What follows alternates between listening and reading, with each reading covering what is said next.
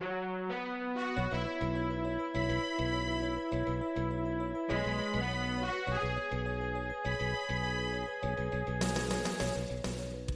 listening to Radio Free Asia. The following program is in Khmer.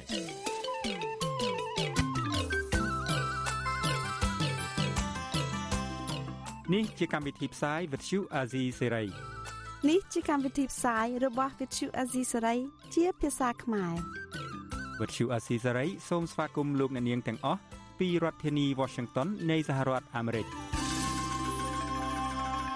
ពីរដ្ឋធានី Washington ខ្ញុំបាទមួងណារ៉េតសូមជម្រាបសួរលោកនាងកញ្ញាអ្នកស្ដាប់វិទ្យុអាស៊ីសេរីទាំងអស់ជាទីមេត្រីយើងខ្ញុំសូមជូនកម្មវិធីផ្សាយសម្រាប់ព្រឹកថ្ងៃអង្គារ7កើតខែមិញឆ្នាំឆ្លូវត្រីស័កពុទ្ធសករាជ2565ត្រូវនឹងថ្ងៃទី8ខែកុម្ភៈ គ្រិស្តសករាជ2022បាទជាដំបូងនេះសូមអញ្ជើញលោកនាងកញ្ញាស្ដាប់ព័ត៌មានប្រចាំថ្ងៃដែលមានមេត្តាដូចតទៅ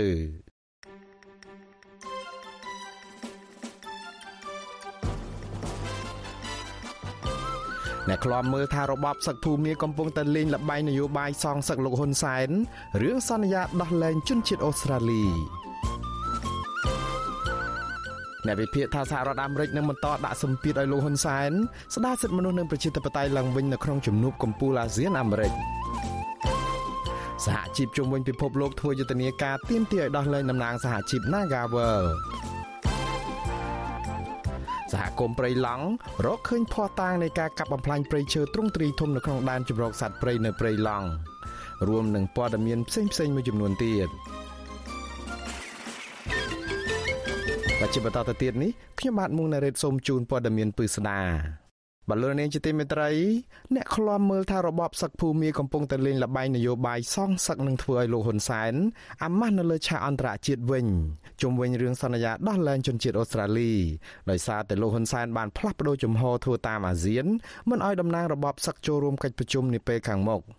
ការលើកឡើងនេះធ្វើឡើងក្រោយពេលដែលលោកហ៊ុនសែនបានបញ្ចេញព័ត៌មានមិនពិតអំពីការដោះលែងនេះហើយក្រោយមកទៀតលោកបានប្រកាសកែប្រែវិញដោយអះអាងថាជាការភ័ន្តច្រឡំ។បាទលោកមានរិទ្ធមានសេចក្តីរាយការណ៍ជំនួយព័ត៌មាននេះភាពអាម៉ាស់ដែលកម្ពុជាធ្វើជាប្រធានបដូវវេនអាស៊ានឆ្នាំ2022នេះក្រោមការដឹកនាំរបស់លោកនាយរដ្ឋមន្ត្រីហ៊ុនសែនទំនងជានៅបន្តកើតមានជាហូរហែតទៅទៀតអស់ពីរឿងរ៉ាវមិនអាចរៀបចំកិច្ចប្រជុំបើកឆាកថ្នាក់រដ្ឋមន្ត្រីការបរទេសអាស៊ានបាន កាលពីពាក់កណ្ដាលខែមករាកន្លងទៅដោយត្រូវពន្យាពេលអស់រយៈពេលជិត1ខែមកនេះដោយសារតែលោកហ៊ុនសែនបានជំនះធ្វើដំណើរទស្សនកិច្ចដ៏ចម្រូងចម្រាសទៅចាប់ដៃមេដឹកនាំរបបសឹកភូមាតែឯកឯងដោយគ្មានការពិគ្រោះយោបល់ជាមុនជាមួយសមាជិកអាស៊ានដទៃទៀតនោះឥឡូវនេះមិនទាន់បានស្រួលបួលផង ដល់វេនឬមួយទៀតហើយនោះគឺរឿងរបបសឹកភូមាមិនបានដោះលែងជនជាតិអូស្ត្រាលីម្នាក់គឺលោក Sean Turnell ដែលជាអតីតទីប្រឹក្សាសេដ្ឋកិច្ចរបស់មេដឹកនាំស្របច្បាប់ភូមា អ្នកស្រីអ៊ុងសានស៊ូជីដោយតាមការសន្យាជាមួយលោកហ៊ុនសែននោះទេនេះគេនៅមិនទាន់រាប់បញ្ចូលនៅរឿងរ៉ាវដទៃទៀតដែលលោកហ៊ុនសែនបានធ្វើឲ្យកម្ពុជា រងនៅភាពអាម៉ាស់នៅលើឆាកអន្តរជាតិដោយត្រូវក្រុមពលរដ្ឋភូមាដែលស្រឡាញ់លទ្ធិប្រជាធិបតេយ្យបាននាំគ្នាចេញមុខថ្កោលទោសយ៉ាងចាស់ដៃព្រមទាំងរឿងរ៉ាវដែលដំណើរទស្សនកិច្ចដ៏ចម្រូងចម្រាសរបស់លោក បានធ្វើឲ្យសមាគមអាស៊ានបែកបាក់គ្នាផង។ទំនងជានឹកស្មានថារឿងរ៉ាវនៃការដោះលែងនេះคล้ายជាការពិតដោយតាមការសន្យាមែននោះលោកហ៊ុនសានបានប្រញាប់ប្រកាសយកបងកាលពីព្រឹកថ្ងៃទី7ខែកុម្ភៈម្សិលមិញថាលោកគឺជាអ្នកនៅពីក្រោយការស្នើសុំឲ្យមានការដោះលែងនេះនៅក្នុងពេលដែលលោកបានទៅធ្វើទស្សនកិច្ចនៅប្រទេសភូមាកាលពីដើមខែមករាកន្លងទៅ លោកហ៊ុនសានអះអាងថាសាស្ត្រាចារ្យអូស្ត្រាលីរូបនេះត្រូវបានដោះលែងហើយកាលពីថ្ងៃទី6ខែកុម្ភៈមេអូឡាំងគាត់ថានឹងពិចារណាជាវិជ្ជមានគាត់នឹងពិចារណាអំពីបញ្ហាប៉ុន្តែម្សិលមិញទៅបានដោះលែងតាមស្រួលអានឹងគេថាទេគុណសម្បត្តិគុណសម្បត្តិមិញអូឡាំងអ្នកដោះដែរប៉ុន្តែហើយណាស់ក្នុងឋានៈខ្ញុំជាប្រធានអាស៊ាន ទៅទីនោះខ្ញុំក៏បានលើកសំណងពោឲ្យដោះលែងអ្នកទោសរាប់ទាំងសាស្ត្រាចារ្យ ដែលជាទីប្រឹក្សាសេដ្ឋកិច្ចរបស់របស់អង្គសាសុជីជនជាតិអូស្ត្រាលីដែលរដ្ឋមន្ត្រីការបរទេសអូស្ត្រាលី បាន ស្នើសុំមកខ្ញុំលើកបញ្ហាហ្នឹងជាមួយនឹងមីអូឡាំងក៏ប៉ុន្តែព័ត៌មាននេះមិនត្រូវបានអ្នកនាំពាក្យនៃរបបសឹកភូមាទុកមុខឲ្យលោកហ៊ុនសាន ដែលបានថ្លែងក្នុងនាមជានាយករដ្ឋមន្ត្រីកម្ពុជាផងថ្ថ្លែងប្រាប់ទីភ្នាក់ងារសារព័ត៌មានបារាំង AFP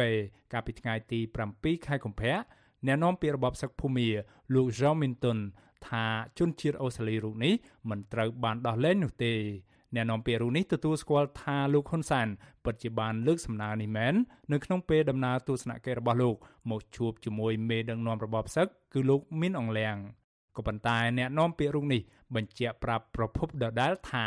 តើទៅនឹងករណីនេះនាយឧត្តមសេនីយ៍មីនអងលៀងបានឆ្លើយតបថាលោកនឹងពិចារណាលើសំណើនេះនៅពេលបញ្ចប់ដំណើរការក្តីក្តាំតាមផ្លូវច្បាប់ របស់ជនជាតិអូស្ត្រាលីរូបនេះមិនយូរប៉ុន្មានក្រោយព័ត៌មាននៃការបដិសេធការដោះលែងនេះត្រូវបានផ្សព្វផ្សាយពីពេញសកលលោកមក ទាំងលោកហ៊ុនសែនខ្លួនឯងនិងទាំងក្រសួងការបរទេសកម្ពុជាផង បានបង្ហោះសារនៅលើទំព័រ Facebook និងចេញសេចក្តីថ្លែងការណ៍បំភ្លឺថាជាការផ្ដល់ព័ត៌មានខុសលោកហ៊ុនសានទទួលស្គាល់ថាតាមការពិតជនជាតិអូស្ត្រាលីរូបនេះ នៅមិនទាន់បានដោះលែងនៅឡើយទេនិងថាលោកភ័ណ្ឌច្រឡំបណ្ដាលមកពីទទួលបានព័ត៌មានខុសក្រសួងការបរទេសកម្ពុជាវិញក៏បានបំភ្លឺស្រដៀងគ្នាទៅនឹងលោកហ៊ុនសានដែរក៏ប៉ុន្តែបញ្ជាក់ថាលោកហ៊ុនសានទទួលបានការធានាពីនាយឧត្តមសេនីយ៍មីនអងលៀងថាគាត់នឹងពិចារណាករណីនេះឡើងវិញបន្ទាប់ពីដំណើរការតុលាការត្រូវបានបញ្ចប់ទោះយ៉ាងណា អ្នកខ្លំមើលមិនជឿថានេះគឺជាការទទួលបានព័ត៌មានខុសនោះទេក៏ប៉ុន្តែគឺជាការលេងល្បែងនយោបាយពីសំណាក់របបសឹកភូមិអ្នកជំនាញច្បាប់និងវិជាសាស្ត្រនយោបាយកញ្ញាសេងធារីយល់ថាករណីនេះគឺជាការសងសឹករបស់របបសឹកភូមិឆ្លើយតបទៅនឹងលោកហ៊ុនសានវិញ ដែលបានសម្រេចបដូរជំហរធ្វើតាមអាស៊ានមិនអនុញ្ញាតឲ្យខ្លួនចូលរួមកិច្ចប្រជុំថ្នាក់រដ្ឋមន្ត្រីការបរទេសអាស៊ាននាពេលខាងមុខបាន។ ជាក់ស្ដែងជាលបែងនយោបាយហើយពេលយើងមើលលបែងនយោបាយកេលានយោបាយយើងមើលពេលវេលាពេលវេលានឹងវា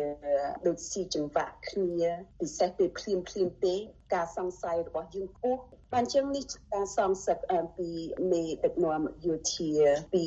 ការដាក់សម្ពាធលើពួកគាត់ពីអាស៊ានហើយគាត់អាចទាញរបបហ៊ុនសែនឲ្យបើកផ្លូវឲ្យគាត់ចូលរួមឲ្យគាត់មានភាពស្របច្បាប់អ្វីដែលយើងគិតថាចិនអីអាចចង់បានដែរ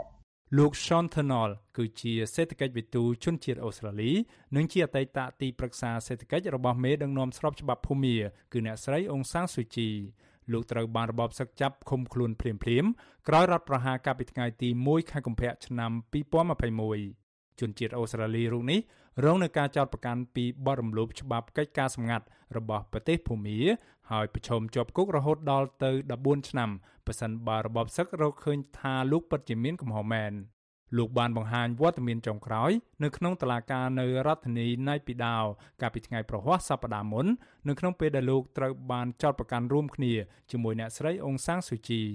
កន្លងទៅអ្នកជំនាញកិច្ចការអន្តរជាតិ បណ្ឌិតអៀសផលធ្លាប់ហៅរឿងរ៉ាវអាម៉ាស់ដែលលោកហ៊ុនសានមិនអាចទាំងរៀបចំកិច្ចប្រជុំបើកឆាអាស៊ានបានផងនោះថាគឺជាកម្មផល ដែលលោកទទួលបានពីនយោបាយការទូតដែលគ្មាននរណាទទួលស្គាល់គណៈរដ្ឋាភិបាលកម្ពុជាខ្លួនឯងក៏ពុំទាន់ទទួលបានការទទួលស្គាល់ពេញមុខពេញមាត់ពីសហគមន៍អន្តរជាតិនៅឡើយដែរ របបសឹកភូមិមិនបានទុកមុខទុកមាត់ឲ្យលោកហ៊ុនសែននោះទេក៏ប៉ុន្តែថែមទាំងបានផ្កើនដោយមិនបានធ្វើតាមកិច្ចសន្យាបទឈប់បាញ់នោះឡើយរបបនេះបានបើកការវាយប្រហារទៅលើពលរដ្ឋស៊ីវិលនៅតាមរដ្ឋផ្សេងៗនៅក្នុងប្រទេសរបស់ខ្លួន នៅក្នុងរយៈពេលមិនបានប្រមាណម៉ោងស្រួលបួលផងក្រោយពេលដែលលោកហ៊ុនសាននិងប្រតិភូរបស់លោក បានវិលត្រឡប់ពីភូមិមកកម្ពុជាវិញខ្ញុំបាទមេរិត Visual C ស្រីរាយការណ៍ពីរដ្ឋធានី Washington បាទលោកនាងជាទីមេត្រីលោកនាងក៏អាចស្ដាប់ការផ្សាយរបស់វិទ្យុអាស៊ីសេរីដែលផ្សាយដំណើរគ្នានឹងការផ្សាយតាមបណ្ដាញសង្គម Facebook និង YouTube នេះតាមរយៈរលកធាតុអាកាសខ្លីឬក៏ Short Wave ពេលព្រឹកចាប់ពីម៉ោង5កន្លះដល់ម៉ោង6កន្លះតាមរយៈរលកធាតុអាកាសខ្លី9390 kHz ស្មើនឹងកម្ពស់ 32m និង11850 kHz ស្មើនឹងកម្ពស់ 25m ពេលយប់ចាប់ពីម៉ោង7កន្លះដល់ម៉ោង8កន្លះតាមរយៈរលកធាតុអាកាសខ្លី9390 kHz ស្មើនឹងកម្ពស់ 32m និង15155 kHz ស្មើនឹងកម្ពស់ 20m បាទសូមអរគុណ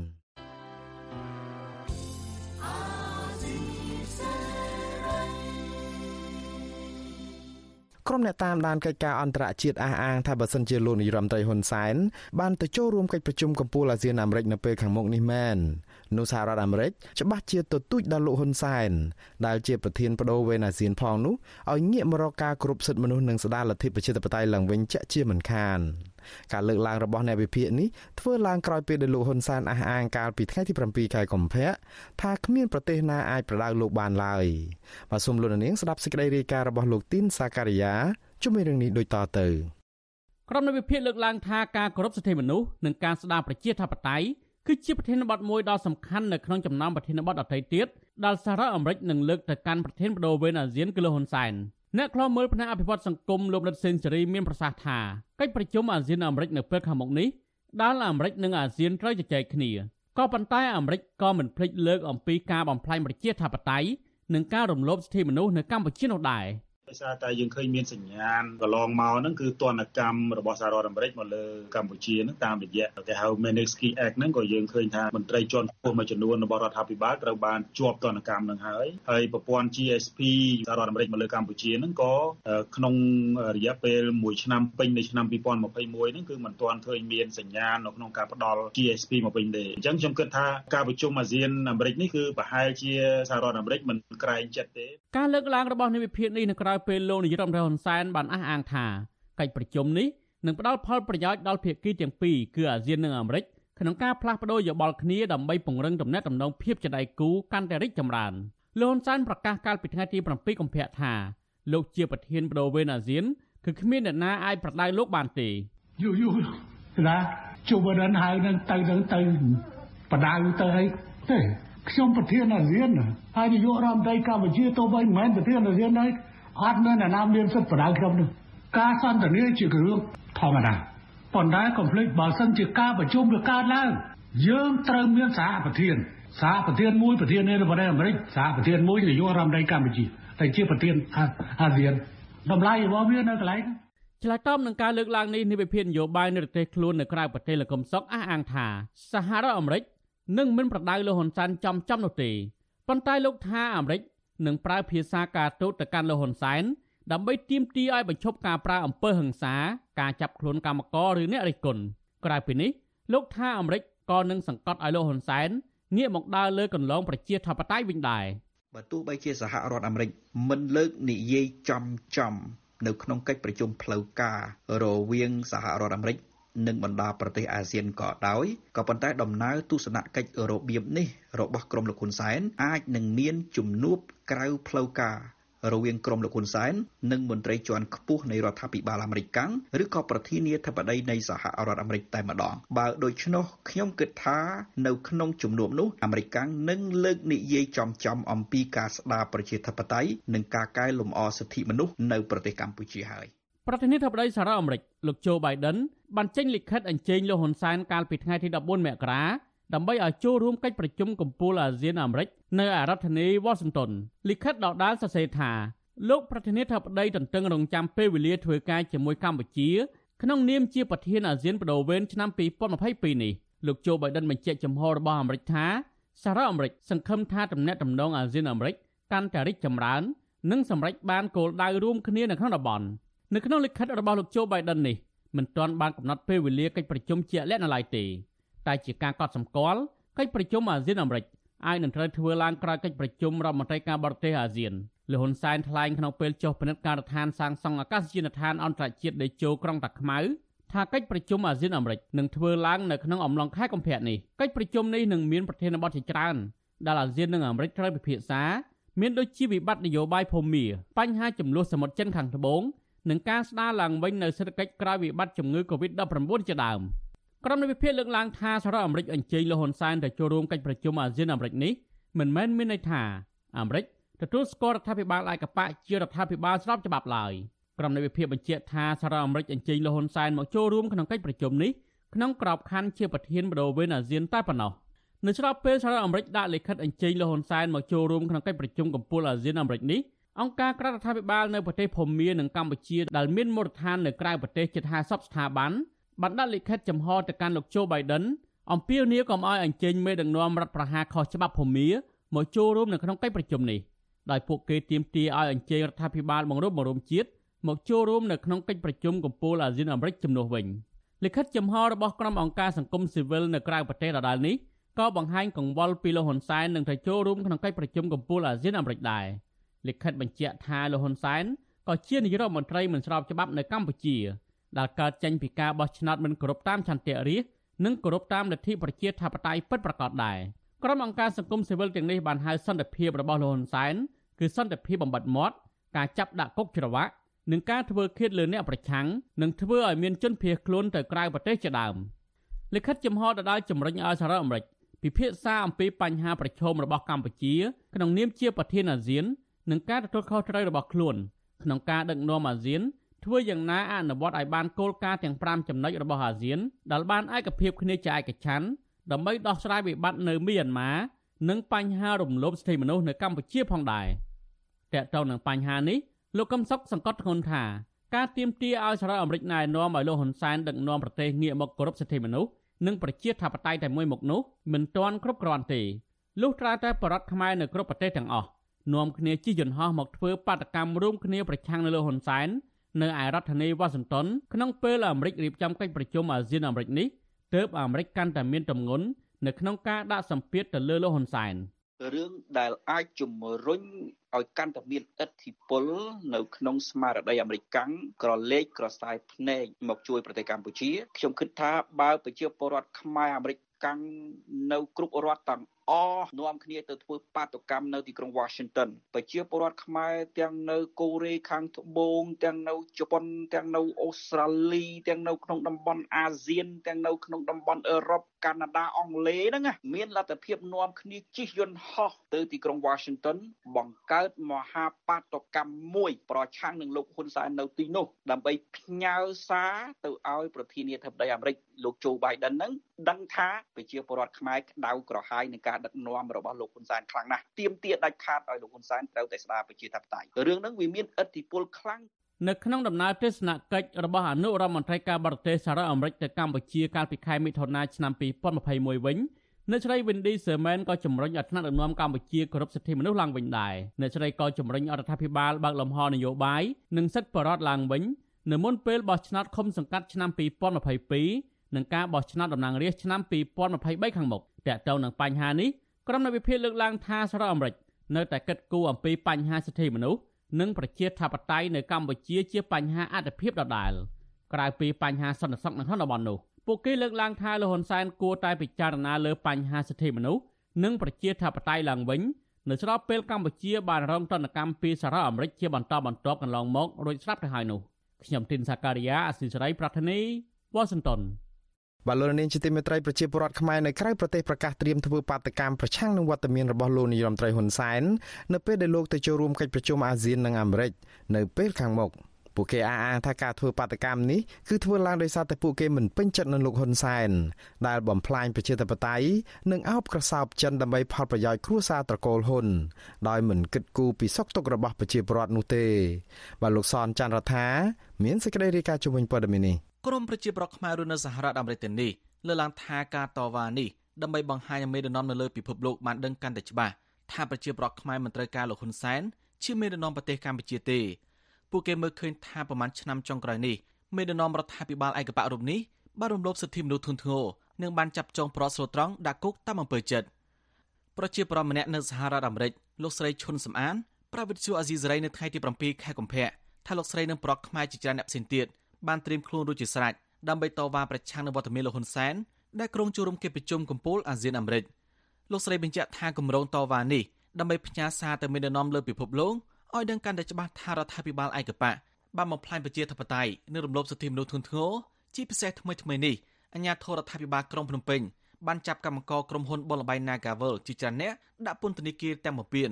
ដោយសារតែពួកគេតវ៉ាទាមទារឲ្យតកែគ្រប់ច្បាប់កម្ពុជា ឲ្យទទួលយកកម្មករជាង300នាក់ចូលធ្វើការងារវិញ។ពេលវេលាហ្នឹងល្អហើយដែលទីយើងទៅស្រែកឲ្យសហរដ្ឋអាមេរិកហ្នឹងគេមើលឃើញថាហ៊ុនសែនរំលោភសិទ្ធិប្រជាពលរដ្ឋខ្លួនឯងសំបីតែកម្មករដែលគ្នាទៅតវ៉ាដោយ Nagawal អញ្ចឹងគឺជាកម្មសិទ្ធិរបស់ Nagawal ហេតុអីក៏ហ៊ុនសែនឲ្យបញ្ញាធរអីទៅចាប់ទៅចងគ្នាអីអញ្ចឹងអញ្ចឹងគេដឹងថា Nagawal ហ្នឹងរបស់តកូលហ៊ុនសែនទាំងអស់នៅក្នុងហ្នឹងដូច្នេះហើយប្រើកងទ័ពឲ្យទៅធ្វើបាបកម្មករ ចំណែកក្រមបរដ្ឋខ្មែរនៅសហរដ្ឋអាមេរិកមួយចំនួនទៀតថ្លែងថាសប្តាហ៍នេះលោកហ៊ុនសែនអោបក្រសោបចិនកាន់តែខ្លាំងដើម្បីឲ្យចិនជួយជ្រោមជ្រែងគ្រួសារតកោហ៊ុនបានបន្តអំណាចដឹកនាំប្រទេសតទៅមុខទៀត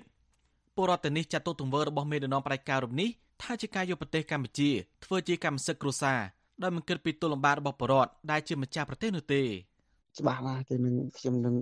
មានវត្តមានក្នុងការស្វាគមន៍លោកហ៊ុនសែនយ៉ាងកក់ក្ដៅតែម្ដងបាទហើយយើងឃើញហើយប្រទេសកម្ពុជាដោយសារតែការដឹកនាំនៃលោកហ៊ុនសែននឹងធ្វើឲ្យប្រជាពលរដ្ឋនឹងមានការជប់ទុកលំបាកខ្លាំងហើយពិសេសគឺប្រជាពលរដ្ឋនឹងចំណាក់ស្រុកច្រើនមែនទែនហើយចុងក្រោយមួយទៀតនេះគឺការផ្ទៃអំណាចពីឪពុកទៅកូននេះគឺមិនអាចទទួលយកបានទេចឹងឲ្យគាត់ដើរតាមប្រជាធិបតេយ្យឡើងវិញពិតប្រកបកុំចេះតែថាអត់បានធ្វើអ្វីទាល់តែសោះនិយាយ បានតែនិយាយបាទដូចជាទៅភូមិអញ្ចឹងបាទប្រតិកម្មរបស់បរដ្ឋនេះធ្វើឡើងក្រោយពេលលហ៊ុនសែនបានប្រកាសក្នុងពិធីសម្ពោធដាក់ប្រាស្រ័យផ្លូវមួយខ្សែនៅខេត្តក្រចេះនៅព្រឹកថ្ងៃទី7ខែកុម្ភៈថាលោកបានសរសេរលិខិតឆ្លើយតបនឹងប្រធានាធិបតីអាមេរិកលោកโจ Biden ដែលបានអញ្ជើញលោកទៅចូលរួមកិច្ចប្រជុំកំពូលអាស៊ានអាមេរិកលោកហ៊ុនសែនក៏ប្រតិកម្មនឹងអ្នកវិភាគដែលទំនងសម្ដៅទៅលើលោកកឹមសុងថាជាអ្នកវិភាគឡប់ដែលបានរិះគន់ពីគម្រោងទៅប្រជុំនៅអាមេរិកនេះយើងទទួលសមុទ្រតាំងពីថ្ងៃ14នោះ ប៉ុន្តែមើលទុកឲ្យពួកអានឹងវាទៅធ្វើអីវាទុកឲ្យពួកអានឹងធ្វើអីវាលាក់ឲ្យចិត្តហើយអាសមុទ្រសញ្ញេហើយសញ្ញេតាំងថ្ងៃ1ដល់មិនសមអីផ្សាយផ្សាយពឹបអាពួកនោះវាអត់ զ ឺប៉ុន្តែឥឡូវវាចាប់ត្រាំធ្វើអត្ថាធិប្បាយមួយទៀតវាថាឲ្យទៅលោកហ៊ុនសែនហ៊ានទៅអាមេរិកគឺច្បាស់ជានឹងចូលក្នុងអរិយស្អីចូលក្នុងកដាប់ដៃស្អីណារបស់អាមេរិកណាទៀតវាទៅចេះចេះបើថាលប់ហើយលប់លប់តែឯងទៅ អាធនលប់តាក់ទងនឹងបញ្ហានេះអ្នកនាំពាក្យគណៈបកប្រជាជនកម្ពុជាលោកសុកអេសានបានប្រាប់វិទ្យុអាស៊ីសេរីថាប្រកខ្មែរទាំងអស់នេះមិនអាចរារាំងពីគម្រោងទៅចូលរួមកិច្ចប្រជុំកំពូលអាស៊ានអាមេរិករបស់លោកហ៊ុនសែនបានទេ ជាកិត្តិយសណាដែលលោកជូបៃតិនបានជួយគាត់ទៅហើយសម្ដេចនឹងដើរលើព្រំកោះរៀបចំដោយលោកជូបៃតិនហើយនឹងវិមានសេដ្ឋវិមានរបស់លោកជូបៃតិនបាទមិនមែនវាខ្មែរដែលចង់ធ្វើបាតកម្មប្រហែលជាចូលចិត្តបានផងទេអញ្ចឹងខ្ញុំគ្មានជំនឿឲ្យដល់តិចតួចសោះដែលបងប្អូនខ្មែរមួយចំនួនតូចយល់ច្រឡំបាទជុំវិញរឿងនេះអ្នកវិភាគនយោបាយដែលកំពុងភៀសខ្លួននៅប្រទេសហ្វាំងឡង់លោកកឹមសុខវិញយល់ថាលោកហ៊ុនសែននឹងរងភាពអាម៉ាស់ខ្លាំង។ ដោយសារតែបរិបខ្មែរតវ៉ាលាតដាងអំពីអំពើអាក្រក់របស់លោកប្រសិនបើមានដំណំផ្ដាច់ការរូបនេះហ៊ានទៅចូលរួមកិច្ចប្រជុំកំពូលអាស៊ីអាមេរិកនៅពេលខាងមុខមែននោះលោកបញ្ជាក់ថាការតវ៉ារបស់បរិបនេះជារឿងត្រឹមត្រូវដោយសារពួកគាត់ចង់ឲ្យលោកហ៊ុនសែនឈប់ធ្វើតាមអំពើចិត្តតទៅទៀតហើយស្ដារប្រជាធិបតេយ្យឡើងវិញមេដឹកនាំសពថ្ងៃនេះគឺលោកហ៊ុនសែនធ្វើអ្វីអ្វីដើម្បីត្រឹមតែរៀបផែនការបន្តអំណាចតត្រកូលរបស់ខ្លួន ដោយចង់បានការសម្រេចផែនការបន្តអំណាចជាយាម ចង់ទៅចាប់ដៃប្រធានាធិបតីសហរដ្ឋអាមេរិកយកទៅឡង់សេខ្លួនឯងផងហើយអាចទំនងជំនុំកូនទៅចាប់ដៃប្រធានាធិបតីអាមេរិកផងប្រសិនបើ មានលទ្ធភាពទៅគៀកគេហើយអាចចាប់ដៃប្រធានាធិបតីអាមេរិកកាំងបានមែនហើយខ្ញុំគិតថាលោកហ៊ុនសែនមិនមែនមិនដឹងភាពអាម៉ាស់នឹងទេ ហើយក៏ទំនងជាគាត់មិនចង់ទៅចូលរួមប្រជុំប្រមាណដែរតាមមើលកាលពីថ្ងៃទី6ខែកុម្ភៈ លោកហ៊ុនសែនបានបញ្ជាលិខិតរបស់ប្រធានាធិបតីអាមេរិកលោកโจ Biden ដែលបានអញ្ជើញលោកក្នុងនាមជាប្រធានបដូវវេនអាស៊ានទៅចូលរួមកិច្ចប្រជុំកំពូលពិសេសអាស៊ានអាមេរិកនៅទីក្រុង Washington ដែលកិច្ចប្រជុំនេះមិនទាន់កំណត់ពេលវេលាជាក់លាក់នៅឡើយទេនៅក្នុងលិខិតនោះលោក Joe Biden បានប្រកាសចំហយ៉ាងច្បាស់ថាសហរដ្ឋអាមេរិកចង់ឃើញរដ្ឋាភិបាលកម្ពុជាដែលជាប្រធានបដូវវេនអាស៊ាននិងសមាជិកត្រូវសហការល្អជាមួយប្រទេសក្នុងតំបន់ Indo-Pacific លោកកឹមសុខជឿជាក់ថាចំណុចនេះនឹងធ្វើលោកហ៊ុនសែនពិបាកសម្រេចចិត្ត ហើយអាចចោះផុងដកខ្លួនមករួចពីព្រោះលោកថាប្រសិនបើលោកហ៊ុនសែនចាប់ដៃជាមួយលោកโจ Biden គឺជាបំផុតនឹងត្រូវសន្យាថាសហការជាមួយប្រទេសក្នុងតំបន់ Indo-Pacific នេះទេ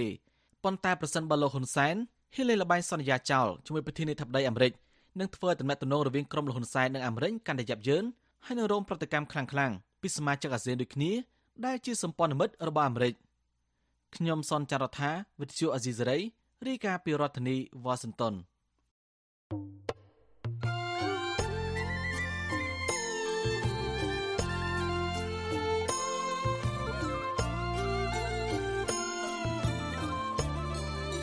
បលូននាងជាទីមេត្រីលោកនាងកំពុងតែស្ដាប់ការផ្សាយរបស់វិទ្យុអាស៊ីសេរីដែលផ្សាយចេញពីរដ្ឋធានី Washington សហរដ្ឋអាមេរិក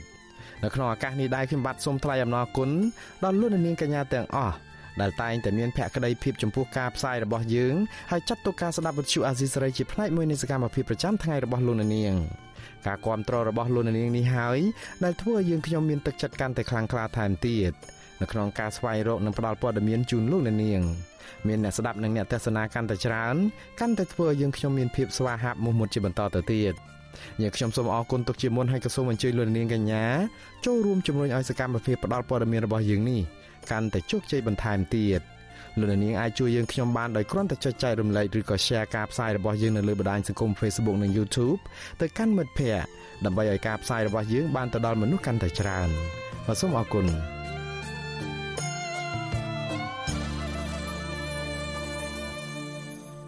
បាទលោកនាងជាទីមេត្រីក្រុមអង្គការសង្គមស៊ីវិលសមាគមនិងសហជីពដែលធ្វើសកម្មភាពលើកកម្ពស់និងការពារសិទ្ធិមនុស្សសិទ្ធិស្ត្រីនិងសិទ្ធិការងាររបស់កម្មករនិយោជិតនៅប្រទេសកម្ពុជាចំនួន134ស្ថាប័នកាលពីថ្ងៃទី7ខែកុម្ភៈម្សិលមិញបានរួមគ្នាដាក់លិខិតចំហជូនក្រសួងមហាផ្ទៃនិងរដ្ឋសភាទាមទារឲ្យដោះលែងជាបន្ទាន់នៅថ្នាក់ដឹកនាំនិងសកម្មជនសហជីពទាំង8រូបដែលតឡាការកំពុងឃុំខ្លួននឹងគឧតកោ3នាក់ដែលតឡាការចោទរឿងរារាំងវិធានការសុខាភិបាលដោយទម្លាក់ចោលនៅការចោទប្រកាន់ទៅលើពួកគាត់បាទលោកទីនសាការីយ៉ាមានសេចក្តីរាយការណ៍មួយផ្សេងទៀតជាមួយរឿងនេះការដាក់លិខិតនេះធ្វើឡើងស្របពេលបណ្ដាសហជីពអន្តរជាតិនានានៅក្នុងពិភពលោកចាប់ផ្ដើមធ្វើយុទ្ធនាការទៀមទាអរដ្ឋាភិបាលកម្ពុជាដោះលែងតំណាងសហជីពកម្មករ Nagavel 8នាក់ដែលឥតលក្ខខណ្ឌហើយក្រុមហ៊ុនបនលបាយ Nagavel ត្រូវទទួលយកបុគ្គលិក365នាក់ចូលធ្វើការវិញទន្ទឹមនឹងគ្នានេះក្រុមប្រឹក្សាភិបាលនៃក្រុមហ៊ុន Nagavel ក៏មានកិច្ចប្រជុំបិទទ្វារមួយដែរ ប្រធានសហព័ន្ធសហជីពកម្មករចំណីអាហារនិងសេវាកម្មនៅស្រីអ៊ូទេផូលីនថ្លែងថាលិខិតចំហដែលដាក់ជូនរដ្ឋមន្ត្រីក្រសួងមហាផ្ទៃលោកសខេងពីបណ្ដាសហជីពនិងក្រុមអង្គការសង្គមស៊ីវិលនៅពេលនេះគឺចង់បញ្ជាក់ថាពួកគាត់គ្រប់គ្រងប្រសាសន៍របស់លោកសខេងកន្លងមកដែលជំរុញឲ្យភាគីពាក់ព័ន្ធក្នុងវិវាទការងារនៅក្រុមហ៊ុន Nagavel ពន្លឿនការដោះស្រាយដោយសន្តិវិធីនិងតាមច្បាប់ស្តីពីការងារ អ្នកស្រីបន្តថាការចាប់តំណាងសហជីព8នាក់ដាក់ពន្ធនាគារកន្លងមកហើយថ្មីថ្មីនេះអាញាធរបន្តចាប់ក្រុមកោតក្រជាច្រើនអ្នកទៀតគឺបង្ហាញថាអាញាធរគ្មានចន្ទៈពិតប្រាកដដោះស្រាយរឿងនេះទេក្រៅពីរកវិធីដាក់សម្ពាធបំបាក់ស្មារតីក្រុមកម្មករ Nagavel ដែលគ្រាន់តែប្រើប្រាស់សិទ្ធិធ្វើកោតកម្មដោយសន្តិវិធីដើម្បីឆ្នាំងបាយរបស់ពួកគេនោះអ្នកស្រីអ៊ូទេផូលីនស្នើសុំរដ្ឋាភិបាលនិងរដ្ឋសភា ជួយអន្តរាគមន៍ដោះលែងតំណាងសហជីព និងកម្មករដែលត្រូវបានចាប់ខ្លួនទាំងអស់ឲ្យមានសេរីភាពឡើងវិញដោយឥតលក្ខខណ្ឌហើយក្រុមហ៊ុនត្រូវទទួលយកប្រតិភូតំណាងបុគ្គលិក Nagavel និងកម្មករដែលធ្វើកតកម្មឲ្យចូលបម្រើការងារវិញ។ បើសិនជាថ្នាក់ដឹកនាំសហជីពគ្រាន់តែគាត់ចេញមកចរចាជាមួយតកែប្រឈមមុខនឹងការចាប់ខ្លួនថាតើនៅក្នុងស្រុកយើងស្ថិតនៅក្នុងស្ថានភាពបែបណាអញ្ចឹងសូមឲ្យរាជរដ្ឋាភិបាលយកចិត្តទុកដាក់ឲ្យមែនទែនបើសិនជារដ្ឋាភិបាលចង់ឲ្យមានកាត់បន្ថយនៅភាពក្រីក្រលុះត្រាតែកម្មករមានសិទ្ធិស្មើគ្នាជាមួយនឹងនយោជកដែលអាចអង្គុយចរចាជាមួយនឹងតកែបានទៀមទាដំឡើងប្រាក់ឈ្នួលនិងអត្ថប្រយោជន៍ផ្សេងផ្សេងលក្ខខណ្ឌការងារសមរម្យថ្លៃថ្នូរក្នុងនាមជាមនុស្សមិនមែនជាទាសករនៅក្នុងសម័យទំនើប តើតើនឹងបញ្ហានេះនាយករដ្ឋទូតបន្ទុកផ្នែកខ្លំមើលសិទ្ធិមនុស្សនៃអង្គការលីកាដូលអំសំអាតសង្កេតឃើញថាវិវាទការងាររវាងកម្មករនិងថកែ Nagavel ជាមួយក្រុមហ៊ុនជាង10ខែមកនេះប្រែក្លាយជាចំនួនរវាងអាជ្ញាធររាជធានីភ្នំពេញជាមួយនឹងក្រុមកម្មករដែលធ្វើកតកម្មទៅវិញលោកយល់ថាអាជ្ញាធររដ្ឋគួរតែប្រកាន់ចំហអព្យាក្រឹតហើយបន្តដោះស្រាយវិវាទការងារមួយនេះដោយភាពស្មោះត្រង់តម្លាភាពយុត្តិធម៌និងត្រឹមត្រូវតាមច្បាប់ ដើម្បីបញ្ជាការរិះគន់ពីមជ្ឈដ្ឋានជាតិអន្តរជាតិជុំវិញចំនួនការងារនេះបន្ថែមទៀតគ្រឹះគល់នៃបញ្ហាដោះស្រាយពីរឿងវិវាទការងារមិនមែនរឿងការចាប់ណាងសហជីពចាប់កម្មករទៅដាក់ពន្ធនាគារដើម្បីជាដំណោះស្រាយអានឹងមិនមែនជាដំណោះស្រាយទេគឺជាការបង្កបញ្ហាហើយបណ្ដោយបញ្ហាហ្នឹងឲ្យវាវែងឆ្ងាយហើយយើងឃើញហើយរឿងរ៉ាវនឹងកើតឡើងជាបន្តបន្ទាប់អញ្ចឹងបើសិនជាយើងបញ្ចប់រឿងវិវាទការងារហ្នឹងឲ្យបានឆាប់គ្មានទេកោតកម្មកើតឡើង គ្មានទេដែលយកហេតុផលនៃវិធានការសុខាភិបាលដើម្បីការពារឬក៏អនុវត្តចំពោះពួកគាត់វាអត់មានទេបើសិនជាភាគីទាំងអស់ជាពិសេសអាជ្ញាធរពាក់ព័ន្ធហ្នឹងធ្វើការសម្របសម្រួលដើម្បីបញ្ចប់ឲ្យបានលឿនវាអត់មានរឿងទាំងអស់នឹងកើតឡើងទេបាទសមត្ថកិច្ចរាជធានីភ្នំពេញបន្តតាមចាប់ខ្លួនស្ត្រីកោតក្រ4នាក់បន្ថែមទៀតក្រោយពីចាប់ខ្លួនកោតករបរិសុទ្ធ3នាក់កាលពីយប់ថ្ងៃទី5កុម្ភៈសមត្ថកិច្ចថាការចាប់ខ្លួនមនុស្ស7នាក់នេះ គឺអនុវត្តតាមដីកាបង្គាប់ឲ្យចូលខ្លួនរបស់ព្រះអាជ្ញារង លោកសេងហៀងដែលចោទពួកគេថាមិនគោរពវិធានសុខាភិបាលប្រឆាំងនឹងជំងឺ Covid-19 ប៉ុន្តែក្រុមអង្គការសង្គមស៊ីវិលថាការប្រើប្រាស់ប្រព័ន្ធតុលាការចាប់ខ្លួនក្រុមកោតក្រ Nagawal ជាច្រើនអ្នកបន្ថែមទៀតនេះគឺអាជ្ញាធរមានចេតនាដើម្បីបំបិតមាត់ពួកគេនិងបំបែកបំបាក់កុំឲ្យមានសកម្មភាពធ្វើកោតកម្មទាមទារដំណោះស្រាយការងារតទៅទៀតប្រធានមជ្ឈមណ្ឌលសិទ្ធិមនុស្សកម្ពុជា CCHR អ្នកស្រីចော့សុភាព មានប្រសាសន៍ថាការយកលេសប្រើច្បាប់ប្រយុទ្ធប្រឆាំងនឹងជំងឺ Covid-19 ដាក់ទៅលើក្រុមកោតក្រដែលធ្វើកោតកម្មគោរពតាមវិធានសុខាភិបាលត្រឹមត្រូវកន្លងមកនេះគឺជារឿងមិនសមហេតុផលនិងមិនអាចទទួលយកបានទេអ្នកស្រីស្នើឲ្យអាជ្ញាធរដោះលែងក្រុមកោតក្រ7នាក់ឲ្យមានសេរីភាពឡើងវិញដោយទម្លាក់បទចោទតាមផ្លូវតុលាការចំពោះពួកគេ។ ការខាត់ខ្លួនកោតកោមួយចំនួនដោយសារហេតុផលកូវីដនេះខ្ញុំយល់ថាកូវីដយើងកើត2ឆ្នាំហើយហើយมันគួរមានករណីដែលមានការប្រើប្រាស់នៅវិធានការច្បាប់ហួសហេតុដល់កោតកោដែលពួកគាត់មិនបានកិច្ចវេះហើយគាត់ចូលរួមសហការគាត់បានប្រកាសចំហរបស់គាត់សហការគាត់អត់មានកិច្ចវេះទៅណាទេប៉ុន្តែផ្ទុយទៅវិញយើងឃើញថានៅពេលដែលគាត់មកចូលរួមសហការផ្ដល់សំណាក់បែរជាមានការចេញនៅដីកាចាប់ខ្លួនឬក៏សាក់សួររបស់គាត់នេះជារឿងមួយអយុត្តិធម៌ហើយជារឿងមួយដែលជាការអនុវត្តស្តង់ដារច្រើនមែនទែនចំពោះបញ្ហាកូវីដនេះ សាលារដ្ឋាភិបាលភ្នំពេញចេញបញ្ជាឲ្យអាជ្ញាធរពាក់ព័ន្ធចាត់វិធានការទាំងរដ្ឋបាល និងទាំងវិធានការច្បាប់ចំពោះក្រុមកោតក្រ Nagavel ដែលបន្តការប្រមូលផ្ដុំគ្នាឬជួបជុំគ្នាដែលអាជ្ញាធរចាត់ទុកថាជាការមិនអនុវត្តតាមវិធានសុខាភិបាលនិងរាំងស្ទះដល់ការបំពេញការងាររបស់ក្រុមគ្រូពេទ្យសាលារដ្ឋាភិបាលភ្នំពេញចេញចំណាត់ការនេះកាលពីយប់ថ្ងៃទី6កុម្ភៈបន្ទាប់ពីក្រសួងសុខាភិបាលអះអាងថា បានរកឃើញកោតក្រចំនួន29នាក់ឆ្លងកូវីដ -19 ជាប្រភេទបំផ្លាញខ្លួនថ្មីអូមីក្រុងដល់អាជ្ញាធរហៅថាវិធានការដើម្បីការពារថែរក្សាអាយុជីវិតក្រុមកោតក្រក្រុមគ្រួសារសាច់ញាតិនិងជៀសវាងសោកនាដកម្មនៃការឆ្លងចូលសហគមន៍ជាទ្រង់ទ្រាយធំអាជ្ញាធររាជធានីភ្នំពេញបញ្ជាឲ្យកងកម្លាំងបដាអាវុធមានទាំងនគរបាលនិងកងរាជអាវុធហត្ថត្រូវចាត់វិធានការជាបន្ទាន់ភ្លាមៗបើសិនជាមានករណីល្មើសវិធានការសុខាភិបាលដោយការផាកពិន័យ និងទោសដាក់ពន្ធនាគារដោយគ្មានការលើកលែងទោះជាយ៉ាងនេះក្តីក្រុមកោតក្រដែលជាបុគ្គលិកកម្មករនៅក្នុងក្រុមហ៊ុនបនលបៃ Nagavel អះអាងថាពួកគេមិនបានរារាំងវិធានការរបស់អាជ្ញាធរឡើយហើយពួកគេនៅតែប្រកាន់ចំហតវ៉ាដោយអហិង្សាតទៅទៀតដើម្បីឲ្យមានការដោះលែងតំណាងសហជីព8នាក់ដែលកំពុងជាប់ពន្ធនាគារព្រមទាំងកោតក្រផ្សេងទៀតដែលទើបចាប់ខ្លួននិងទាមទារឲ្យបញ្ចប់វិវាទ រវាងពួកគេនិងភាគីក្រុមហ៊ុនដោយអយុត្តិធម៌ខ្ញុំទីនសាការីយ៉ាអសិលសេរីប្រធានីវ៉ាស៊ីនតោនបលូននាងជាទីមេត្រីតកតនឹងការឃុំខ្លួនមន្ត្រីសហជីពនិងកម្មករក្រុមហ៊ុន Casino Naga World នេះដែរក្រុមបណ្ដាញសហជីពធំធំនៅលើពិភពលោកនាំគ្នាធ្វើយុទ្ធនាការព្រមព្រំគ្នានៅតាមបណ្ដាប្រទេសមួយចំនួនកាលពីថ្ងៃទី7ខែកុម្ភៈម្សិលមិញ នៅក្នុងនោះមានទាំងនៅតំបន់អាស៊ីអឺរ៉ុបនិងសហរដ្ឋអាមេរិកផងដើម្បីបង្ហាញសាមគ្គីភាពនិងការយកចិត្តទុកដាក់ទៅលើបញ្ហាកុរកនៅក្រុមហ៊ុនបនលបែងដ៏ធំជាងគេនៅកម្ពុជានេះតែយុទ្ធនាការនេះប្រព្រឹត្តទៅយ៉ាងដូចម្ដេចនឹងទៀមទាអ្វីខ្លះសូមលោកនាងរងចាំស្ដាប់សេចក្តីរាយការណ៍ពិស្ដារជំរឿងនេះនៅក្នុងការផ្សាយរបស់យើងនាពេលបន្តិចទៀតនេះបាទសូមអរគុណ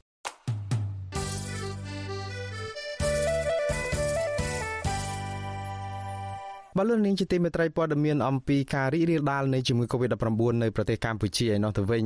ក្រសួងសុខាភិបាលកាលពីថ្ងៃទី7ខែកុម្ភៈម្សិលមិញរកឃើញអ្នកកើតជំងឺ Covid-19 ចំនួន108ករណីថ្មីទៀតដែលសុទ្ធតែជាមេរោគអូមីក្រុងនៅក្នុងនោះ5អ្នកជាករណីនាំចូលនិង103អ្នកផ្សេងទៀតគឺជាករណីឆ្លងនៅក្នុងសហគមន៍គិតមកត្រឹមព្រឹកថ្ងៃទី7ខែកុម្ភៈនោះករណីរកឃើញអ្នកផ្ទុកមេរោគអូមីក្រុងកើនឡើងដល់ទៅជាង1300នាក់ដែលជាងពាក់កណ្ដាលគឺជាករណីឆ្លងជំងឺនេះនៅក្នុងសហគមន៍រហូតដល់ពេលនេះកម្ពុជាមានអ្នកកើតជំងឺ Covid-19 សរុបប្រមាណជាង120,000នាក់នៅក្នុងនោះអ្នកជាសះស្បើយមានជាង110,000នាក់និងអ្នកស្លាប់មានចំនួន3015នាក់ នៅក្នុងពេលជាមួយគ្នានេះក្រសួងសុខាភិបាល បន្តរាយការណ៍ថានៅក្នុងរយៈពេល35ថ្ងៃជាប់ជាប់គ្នាកម្ពុជាគ្មានអ្នកស្លាប់ដោយសារតែជំងឺ Covid-19 នោះទេបើទោះបីជាយ៉ាងនេះក្តីកន្លងមកក្រសួងសុខាភិបាល រងការរិះគន់ថាផ្សាយព័ត៌មានមិនគ្រប់ជ្រុងជ្រោយរឿងតួលេខនេះវិទ្យុអាស៊ីសេរីក៏មិនអាចសុំការបំភ្លឺជាមួយរឿងនេះពីអ្នកនាំពាក្យក្រសួងសុខាភិបាលបាននោះដែរដោយសារតែអ្នកស្រីអាវ៉ាន់ឌិនមិនឆ្លើយទូរស័ព្ទ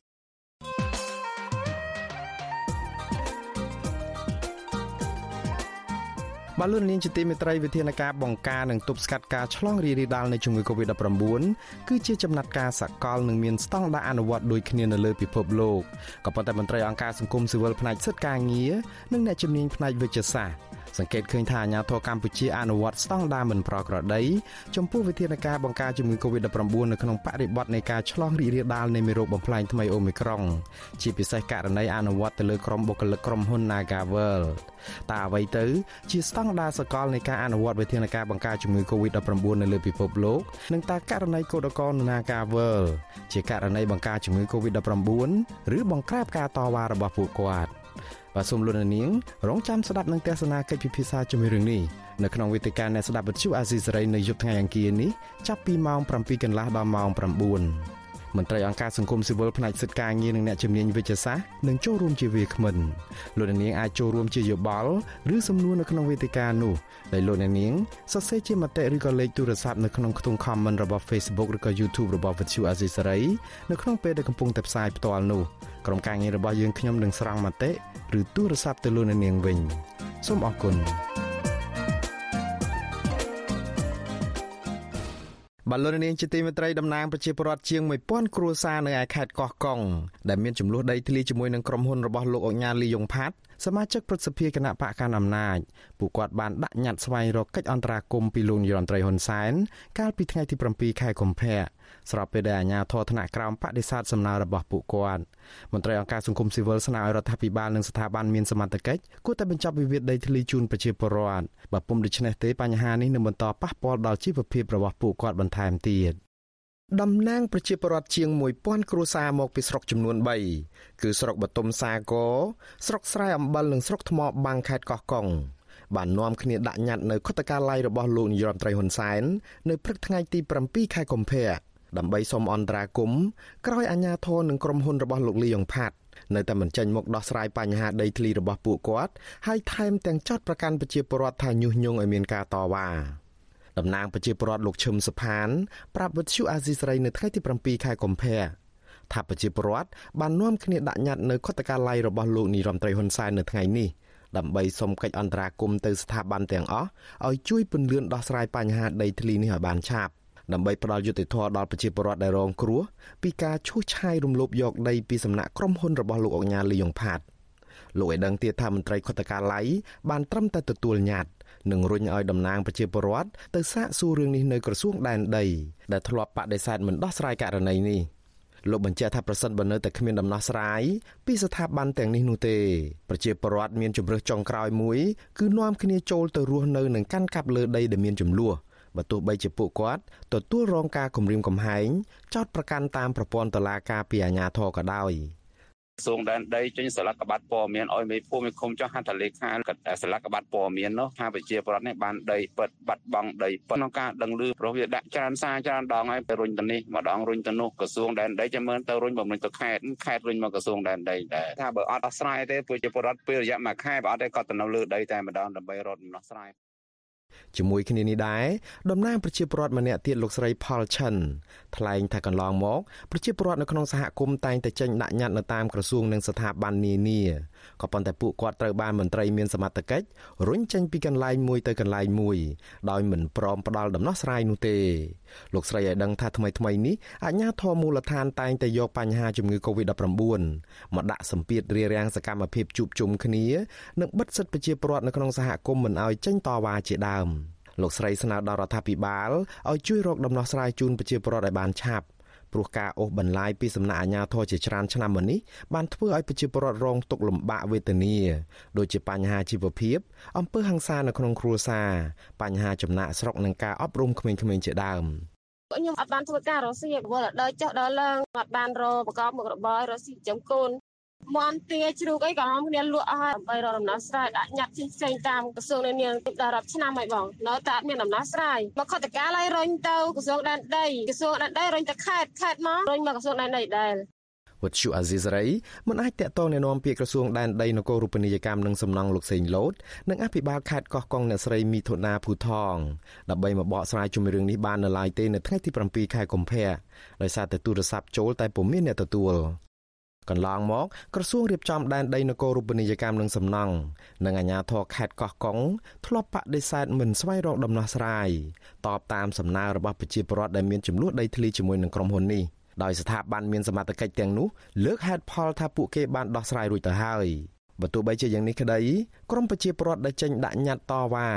អះអាងថាអាជ្ញាធរបានដោះស្រាយជូនប្រជាពលរដ្ឋមានចំនួនបានចំនួនតិចតួចតែប៉ុណ្ណោះ ស្របពេលដែលបញ្ហាដែលប៉ះពាល់ពួកគាត់ភ័យច្រើនមិនត្រូវបានយកទៅដោះស្រាយនោះទេញត្តិរបស់ប្រជាពលរដ្ឋថាពួកគាត់បានកាន់កាប់និងចូលអាស្រ័យផលទៅលើដីធ្លីនោះតាំងតែពីឆ្នាំ1979ហើយអ្នកខ្លះទៀតបានកាន់កាប់ដីនេះនៅឆ្នាំ2000មានធ្វើជាស្រែចម្ការនិងដាំដំណាំផ្សេងៗដើម្បីចិញ្ចឹមជីវិតដោយពុំមានអាជ្ញាធរណាទៅហាមឃាត់នោះឡើយ ទន្ទឹមនឹងនេះពួកគាត់មានសាលាកបាត់ព័ត៌មានដែលចេញដោយក្រសួងដែនដីនិងលិខិតទទួលស្គាល់ដោយអាជ្ញាធរមូលដ្ឋានទៀតផង។ញត្តិដដែលបញ្ជាក់ថាលុះដល់ខែកក្កដាឆ្នាំ2006ស្រាប់តែមានក្រុមហ៊ុនកោះកុង Sugar និងក្រុមហ៊ុនកោះកុង Plantation របស់លោកអង្ញាលីយ៉ុងផាត់ដែលជាសមាជិកប្រសិទ្ធិនៃបកកណ្ដាលអំណាច បានប្រើគ្រឿងចាក់ឈូសឆាយរំលោភយកដីពួកគាត់ជិត2000ហិកតា ស្ថិតនៅក្នុងស្រុកបទុមសាគរស្រុកស្រែអំបិលនិងស្រុកថ្មបាំងខេត្តកោះកុងហើយបង្ខំឲ្យប្រជាពលរដ្ឋទទួលយកសំណងបន្តិចបន្តួច។ជំរាបរឿងនេះអ្នកសម្របសម្រួលគម្រោងធុរកិច្ចនិងសិទ្ធិមនុស្សរបស់មជ្ឈមណ្ឌលសិទ្ធិមនុស្សកម្ពុជាលោកវ៉ាន់សុផាត មានប្រសាសន៍ថាប្រជាពលរដ្ឋមានសិទ្ធិដាក់បណ្ដឹងឬសំណើស្វែងរកកិច្ចអន្តរាគមន៍ពីស្ថាប័នពាក់ព័ន្ធក៏ប៉ុន្តែលោកសង្កេតឃើញថាប្រជាពលរដ្ឋមានទំនាស់ដីធ្លីភាគច្រើនពួកគាត់តែងតែខកចិត្តចំពោះស្ថាប័នដែលមានសមត្ថកិច្ចដែលមិនបានយកចិត្តទុកដាក់ស៊ើបអង្កេតនិងដោះស្រាយឲ្យបានត្រឹមត្រូវជាពិសេសចេះតែរុញដាក់គ្នា លោកវ៉ាន់សុផាតយល់ថាបញ្ហាទាំងអស់នេះហើយទើបធ្វើឲ្យប្រជាពលរដ្ឋនៅខេត្តកោះកុងសម្រេចចិត្តរកមធ្យោបាយដូចជាបោះតង់លើដីដែលមានចំនួនដីរ៉ាំរ៉ៃជាមួយនឹងក្រុមហ៊ុនស្កអំពើរបស់លោកលីយ៉ុងផាតដើម្បីរកដំណោះស្រាយបើទោះបីជាយ៉ាងនេះក្តីលោកព្រួយបារម្ភថាអាញាធរអាចប្រើប្រាស់បទចោទប្រកាន់ពួកគាត់តាមប្រព័ន្ធតុលាការក្រោមច្បាប់ស្តីពីវិធានការទប់ស្កាត់ការឆ្លងរីករាលដាលនៃជំងឺ Covid-19 ដើម្បីរារាំងនិងបំបាក់ស្មារតីពួកគាត់ដែលចេញតវ៉ានោះ នៅតែមិនដោះស្រាយហើយកិច្ចរុញដាក់គ្នាចុះឡើងចុះឡើងបញ្ហាដីធ្លីហ្នឹងគឺអត់ចប់ទេទំនាស់ហ្នឹងដឹងត្រាប់ហើយថាពួកគាត់ពឹងផ្អែកទៅលើរៃផលទៅលើដីធ្លីហ្នឹងហើយដីធ្លីជាជីវិតរបស់គាត់គាត់ស្ងាត់មួយរយៈនៅពេលណាដែលមានការបង្ក្រាបអញ្ចឹងប៉ុន្តែបន្តទៅហ្នឹងទៅគឺគាត់នៅតែជាយាមដើម្បីទាមទារឲ្យមានដំណោះស្រាយតទៅទៀតអាហ្នឹងគឺមិនមែនជាការដោះស្រាយដោយសន្តិវិធីដោយបញ្ចប់ទំនាស់ទេអាហ្នឹងគឺថាគ្រាន់តែការដោះស្រាយមកពេលមកពេលឲ្យរួចខ្លួនតែប៉ុណ្ណោះឯង នៅថ្ងៃដដែលនេះដែរករណីវិវាទដីធ្លីមួយកន្លែងទៀតដែលពាក់ព័ន្ធនឹងគម្រោងពលានយន្តហោះថ្មីរបស់លោកអុកញ៉ាពងខៀវសែដែលជាអ្នកជំនួញស្និទ្ធនឹងលោកនាយរដ្ឋមន្ត្រីហ៊ុនសែនវិញរដ្ឋបាលស្រុកកណ្ដាលស្ទឹង បានកោះហៅប្រជាពលរដ្ឋនៅឃុំបឹងខ្យាងចំនួន50នាក់ឲ្យចូលរួមកិច្ចប្រជុំស្វែងរកដំណោះស្រាយនៅថ្ងៃទី7ខែកុម្ភៈ លើក្បាលដីដែលប៉ះពាល់ពីការសាងសង់ប្រឡាយការពារគម្រោងរបស់ក្រុមហ៊ុនពលានយន្តហោះថ្មីដែលមានទំហំទទឹង22ម៉ែត្រពីគម្រោងពលានយន្តហោះដែកជោក្រុងតាខ្មៅខេត្តកណ្ដាលមន្ត្រីអង្គការសង្គមស៊ីវិលស្នើយ៉ាងទទូចដល់រដ្ឋាភិបាលនិងស្ថាប័នពាក់ព័ន្ធគួរយកចិត្តទុកដាក់ដោះស្រាយផលប៉ះពាល់បញ្ហាដីធ្លីជូនប្រជាពលរដ្ឋជាមួយនឹងក្រុមហ៊ុន ដោយឈលលើដំណាភាព ភាពស្មោះត្រង់ភាពឥតលំអៀងដែលអាចទទួលយកបានទាំងអស់គ្នាខ្ញុំបាទមុងណារ៉េត With you Asisari ប្រធានាធិបតី Washington តំណាងប្រជាពលរដ្ឋជាង1000គ្រួសារមកពីស្រុកចំនួន3គឺស្រុកបតុមសាគរស្រុកស្រែអំបិលនិងស្រុកថ្មបាំងខេត្តកោះកុងបាននាំគ្នាដាក់ញត្តិនៅខុទ្ទកាល័យរបស់លោកនាយរដ្ឋមន្ត្រីហ៊ុនសែននៅព្រឹកថ្ងៃទី7ខែកុម្ភៈដើម្បីសូមអន្តរាគមន៍ក្រោយអាជ្ញាធរនិងក្រុមហ៊ុនរបស់លោកលីយ៉ុងផាត់នៅតែមិនចេញមកដោះស្រាយបញ្ហាដីធ្លីរបស់ពួកគាត់ហើយថែមទាំងចោទប្រកាន់ប្រជាពលរដ្ឋថាញុះញង់ឲ្យមានការតវ៉ា តំណាងប្រជាពលរដ្ឋលោកឈឹមសុផានប្រាប់វិទ្យុអាស៊ីសេរីនៅថ្ងៃទី7ខែកុម្ភៈថាប្រជាពលរដ្ឋបាននាំគ្នាដាក់ញត្តិនៅខុទ្ទកាល័យរបស់លោកនាយរដ្ឋមន្ត្រីហ៊ុនសែននៅថ្ងៃនេះដើម្បីសុំកិច្ចអន្តរាគមន៍ទៅស្ថាប័នទាំងអស់ឲ្យជួយពន្យាដោះស្រាយបញ្ហាដីធ្លីនេះឲ្យបានឆាប់ដើម្បីផ្ដល់យុត្តិធម៌ដល់ប្រជាពលរដ្ឋដែលរងគ្រោះពីការឈូសឆាយរំលោភយកដីពីសំណាក់ក្រុមហ៊ុនរបស់លោកអង្ញាលីយ៉ុងផាតលោកឲ្យដឹងទៀតថាមន្ត្រីខុទ្ទកាល័យបានត្រឹមតែទទួលញត្តិ និងរុញឲ្យតំណាងប្រជាពលរដ្ឋទៅសាកសួររឿងនេះនៅក្រសួងដែនដីដែលធ្លាប់បដិសេធមិនដោះស្រាយករណីនេះលោកបញ្ជាក់ថាប្រសិនបើនៅតែគ្មានដំណោះស្រាយពីស្ថាប័នទាំងនេះនោះទេប្រជាពលរដ្ឋមានជំរើសចុងក្រោយមួយគឺនាំគ្នាចូលទៅរស់នៅនិងកាន់កាប់លើដីដែលមានចំនួនបើទោះបីជាពួកគាត់ទទួលរងការគំរាមកំហែងចោតប្រកាន់តាមប្រព័ន្ធតុលាការពីអាជ្ញាធរក៏ដោយ សួងដែនដីចេញស្លាកបាត់ព័ត៌មានឲ្យមេភូមិមេឃុំចុះហត្ថលេខាកាត់ស្លាកបាត់ព័ត៌មាននោះថាប្រជាពលរដ្ឋនេះបានដីពិតបាត់បង់ដីពិតក្នុងការដឹងឮព្រោះវាដាក់ច្រើនសារច្រើនដងហើយទៅរុញទៅនេះម្ដងរុញទៅនោះក្រសួងដែនដីចាំមើលទៅរុញបំរុញទៅខេត្តខេត្តរុញមកក្រសួងដែនដីដែរថាបើអត់ដោះស្រាយទេប្រជាពលរដ្ឋពេលរយៈមួយខែបើអត់ទេក៏ទៅនៅលើដីតែម្ដងដើម្បីរត់ដំណោះស្រាយ ជាមួយគ្នានេះដែរតំណាងប្រជាពលរដ្ឋម្នាក់ទៀតលោកស្រីផលឆិនថ្លែងថាកន្លងមកប្រជាពលរដ្ឋនៅក្នុងសហគមន៍តែងតែចេញដាក់ញត្តិនៅតាមក្រសួងនិងស្ថាប័ននានា ក៏ប៉ុន្តែពួកគាត់ត្រូវបានមន្ត្រីមានសមត្ថកិច្ចរុញចេញពីកន្លែងមួយទៅកន្លែងមួយដោយមិនព្រមផ្ដល់ដំណោះស្រាយនោះទេលោកស្រីឲ្យដឹងថាថ្មីថ្មីនេះអាជ្ញាធរមូលដ្ឋានតែងតែយកបញ្ហាជំងឺ Covid-19 មកដាក់សម្ពាធរារាំងសកម្មភាពជួបជុំគ្នានិងបិទសិទ្ធិប្រជាពលរដ្ឋនៅក្នុងសហគមន៍មិនឲ្យចេញតវ៉ាជាដើមលោកស្រីស្នើដល់រដ្ឋាភិបាលឲ្យជួយរកដំណោះស្រាយជូនប្រជាពលរដ្ឋឲ្យបានឆាប់ ព្រោះការអូសបន្លាយពីសំណាក់អាជ្ញាធរជាច្រើនឆ្នាំមកនេះបានធ្វើឲ្យប្រជាពលរដ្ឋរងទុក្ខលំបាកវេទនាដូចជាបញ្ហាជីវភាពអំពើហិង្សានៅក្នុងគ្រួសារបញ្ហាចំណាក់ស្រុកនិងការអប់រំក្មេងៗជាដើមខ្ញុំអត់បានធ្វើការរកស៊ីវល់ដល់ចុះដល់ឡើងអត់បានរកប្រកបមុខរបររកស៊ីចំកូន មន់ទាជ្រូកអីក៏ហមគ្នាលក់អស់ហើយដើម្បីរកដំណោះស្រាយដាក់ញត្តិផ្សេងៗតាមក្រសួងនានាដល់រាប់ឆ្នាំហើយបងនៅតែអត់មានដំណោះស្រាយមកខុទ្ទកាលឲ្យរុញទៅក្រសួងដែនដីក្រសួងដែនដីរុញទៅខេត្តខេត្តមករុញមកក្រសួងដែនដីដែរវត្តជូអាស៊ីសេរីមិនអាចតាក់ទងណែនាំពាក្យក្រសួងដែនដីនគររូបនីយកម្មនិងសំណង់លោកសេងលូតនិងអភិបាលខេត្តកោះកុងអ្នកស្រីមីធុនាភូថងដើម្បីមកបកស្រាយជុំរឿងនេះបាននៅឡើយទេនៅថ្ងៃទី7ខែកុម្ភៈដោយសារតែទូរស័ព្ទចូលតែពុំមានអ្នកទទួល កន្លងមកក្រសួងរៀបចំដែនដីនគររូបនីយកម្មនិងសំណង់និងអាជ្ញាធរខេត្តកោះកុងធ្លាប់បដិសេធមិនស្វែងរកដំណោះស្រាយតបតាមសំណើរបស់ប្រជាពលរដ្ឋដែលមានចំនួនដីធ្លីជាមួយនឹងក្រុមហ៊ុននេះដោយស្ថាប័នមានសមត្ថកិច្ចទាំងនោះលើកហេតុផលថាពួកគេបានដោះស្រាយរួចទៅហើយបើទោះបីជាយ៉ាងនេះក្តីក្រមប្រជាពលរដ្ឋដែលចេញដាក់ញត្តិតវ៉ាអះអាងថាអាជ្ញាធរបានដោះស្រាយជូនប្រជាពលរដ្ឋមានចំនួនបានចំនួនតិចតួចតែប៉ុណ្ណោះ ស្របពេលដែលបញ្ហាដែលប៉ះពាល់ពួកគាត់ភ័យច្រើនមិនត្រូវបានយកទៅដោះស្រាយនោះទេញត្តិរបស់ប្រជាពលរដ្ឋថាពួកគាត់បានកាន់កាប់និងចូលអាស្រ័យផលទៅលើដីធ្លីនោះតាំងតែពីឆ្នាំ1979ហើយអ្នកខ្លះទៀតបានកាន់កាប់ដីនេះនៅឆ្នាំ2000មានធ្វើជាស្រែចម្ការនិងដាំដំណាំផ្សេងៗដើម្បីចិញ្ចឹមជីវិតដោយពុំមានអាជ្ញាធរណាទៅហាមឃាត់នោះឡើយ។ ទន្ទឹមនឹងនេះពួកគាត់មានសាលាកបាត់ព័ត៌មានដែលចេញដោយក្រសួងដែនដីនិងលិខិតទទួលស្គាល់ដោយអាជ្ញាធរមូលដ្ឋានទៀតផងញ៉ាត់ដដែលបញ្ជាក់ថាលុះដល់ខែកក្កដាឆ្នាំ2006ស្រាប់តែមានក្រុមហ៊ុនកោះកុង Sugar និងក្រុមហ៊ុនកោះកុង Plantation របស់លោកអង្ញាលីយ៉ុងផាត់ដែលជាសមាជិកប្រសិទ្ធិនៃបកកណ្ដាលអំណាច បានប្រើគ្រឿងចាក់ឈូសឆាយរំលោភយកដីពួកគាត់ជិត2000ហិកតា ស្ថិតនៅក្នុងស្រុកបទុមសាគរស្រុកស្រែអំបិលនិងស្រុកថ្មបាំងខេត្តកោះកុងហើយបង្ខំឲ្យប្រជាពលរដ្ឋទទួលយកសំណងបន្តិចបន្តួចជំរាបរឿងនេះអ្នកសម្របសម្រួលគម្រោងធុរកិច្ចនិងសិទ្ធិមនុស្សរបស់មជ្ឈមណ្ឌលសិទ្ធិមនុស្សកម្ពុជាលោកវ៉ាន់សុផាត មានប្រសាសន៍ថាប្រជាពលរដ្ឋមានសិទ្ធិដាក់បណ្ដឹងឬសំណើស្វែងរកកិច្ចអន្តរាគមន៍ពីស្ថាប័នពាក់ព័ន្ធ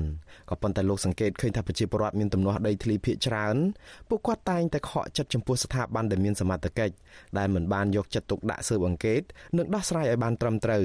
ជាពិសេសចេះតែរុញដាក់គ្នា លោកវ៉ាន់សុផាតយល់ថាបញ្ហាទាំងអស់នេះហើយទើបធ្វើឲ្យប្រជាពលរដ្ឋនៅខេត្តកោះកុងសម្រេចចិត្តរកមធ្យោបាយដូចជាបោះតង់លើដីដែលមានចំនួនដីរ៉ាំរ៉ៃជាមួយនឹងក្រុមហ៊ុនស្កអំពើរបស់លោកលីយ៉ុងផាតដើម្បីរកដំណោះស្រាយបើទោះបីជាយ៉ាងនេះក្តីលោកព្រួយបារម្ភថាអាញាធរអាចប្រើប្រាស់បទចោទប្រកាន់ពួកគាត់តាមប្រព័ន្ធតុលាការក្រោមច្បាប់ស្តីពីវិធានការទប់ស្កាត់ការឆ្លងរីករាលដាលនៃជំងឺ Covid-19 ដើម្បីរារាំងនិងបំបាក់ស្មារតីពួកគាត់ដែលចេញតវ៉ានោះ នៅតែមិនដោះស្រាយហើយកិច្ចរុញដាក់គ្នាចុះឡើងចុះឡើងបញ្ហាដីធ្លីហ្នឹងគឺវាអត់ចប់ទេទំនាស់ហ្នឹងដឹងត្រាប់ហើយថាពួកគាត់ពឹងផ្អែកទៅលើរៃផលទៅលើដីធ្លីហ្នឹងហើយដីធ្លីជាជីវិតរបស់គាត់អត់ស្ងាត់មួយរយៈនៅពេលណាដែលមានការបង្ក្រាបអញ្ចឹងប៉ុន្តែបន្តពីហ្នឹងទៅគឺគាត់នៅតែព្យាយាមដើម្បីទាមទារឲ្យមានដំណោះស្រាយតទៅទៀតអាហ្នឹងគឺមិនមែនជាការដោះស្រាយដោយសន្តិវិធីដោយបញ្ចប់ទំនាស់ទេអាហ្នឹងគឺថាគ្រាន់តែការដោះស្រាយមកពេលមកពេលឲ្យរួចខ្លួនតែប៉ុណ្ណោះឯង នៅថ្ងៃដដែលនេះដែរករណីវិវាទដីធ្លីមួយកន្លែងទៀតដែលពាក់ព័ន្ធនឹងគម្រោងពលានយន្តហោះថ្មីរបស់លោកអុកញ៉ាពុងខៀវសែដែលជាអ្នកជំនួញស្និទ្ធនឹងលោកនាយរដ្ឋមន្ត្រីហ៊ុនសែនវិញរដ្ឋបាលស្រុកកណ្ដាលស្ទឹងបានកោះហៅប្រជាពលរដ្ឋនៅឃុំបឹងខ្យាងចំនួន50នាក់ឲ្យចូលរួមកិច្ចប្រជុំស្វែងរកដំណោះស្រាយនៅថ្ងៃទី7ខែកុម្ភៈលើក្បាលដីដែលប៉ះពាល់ពីការសាងសង់ប្រឡាយការពារគម្រោងរបស់ក្រុមហ៊ុនពលានយន្តហោះថ្មីដែលមានទំហំទទឹង22ម៉ែត្រ ពីគម្រោងពលានយន្តហោះដែកជោក្រុងតាខ្មៅខេត្តកណ្ដាលមន្ត្រីអង្គការសង្គមស៊ីវិលស្នើយ៉ាងទទូចដល់រដ្ឋាភិបាលនិងស្ថាប័នពាក់ព័ន្ធគួរយកចិត្តទុកដាក់ដោះស្រាយផលប៉ះពាល់បញ្ហាដីធ្លីជូនប្រជាពលរដ្ឋជាមួយនឹងក្រុមហ៊ុន ដោយឈលលើដំណាភាព ភាពស្មោះត្រង់ភាពឥតលំអៀងដែលអាចទទួលយកបានទាំងអស់គ្នា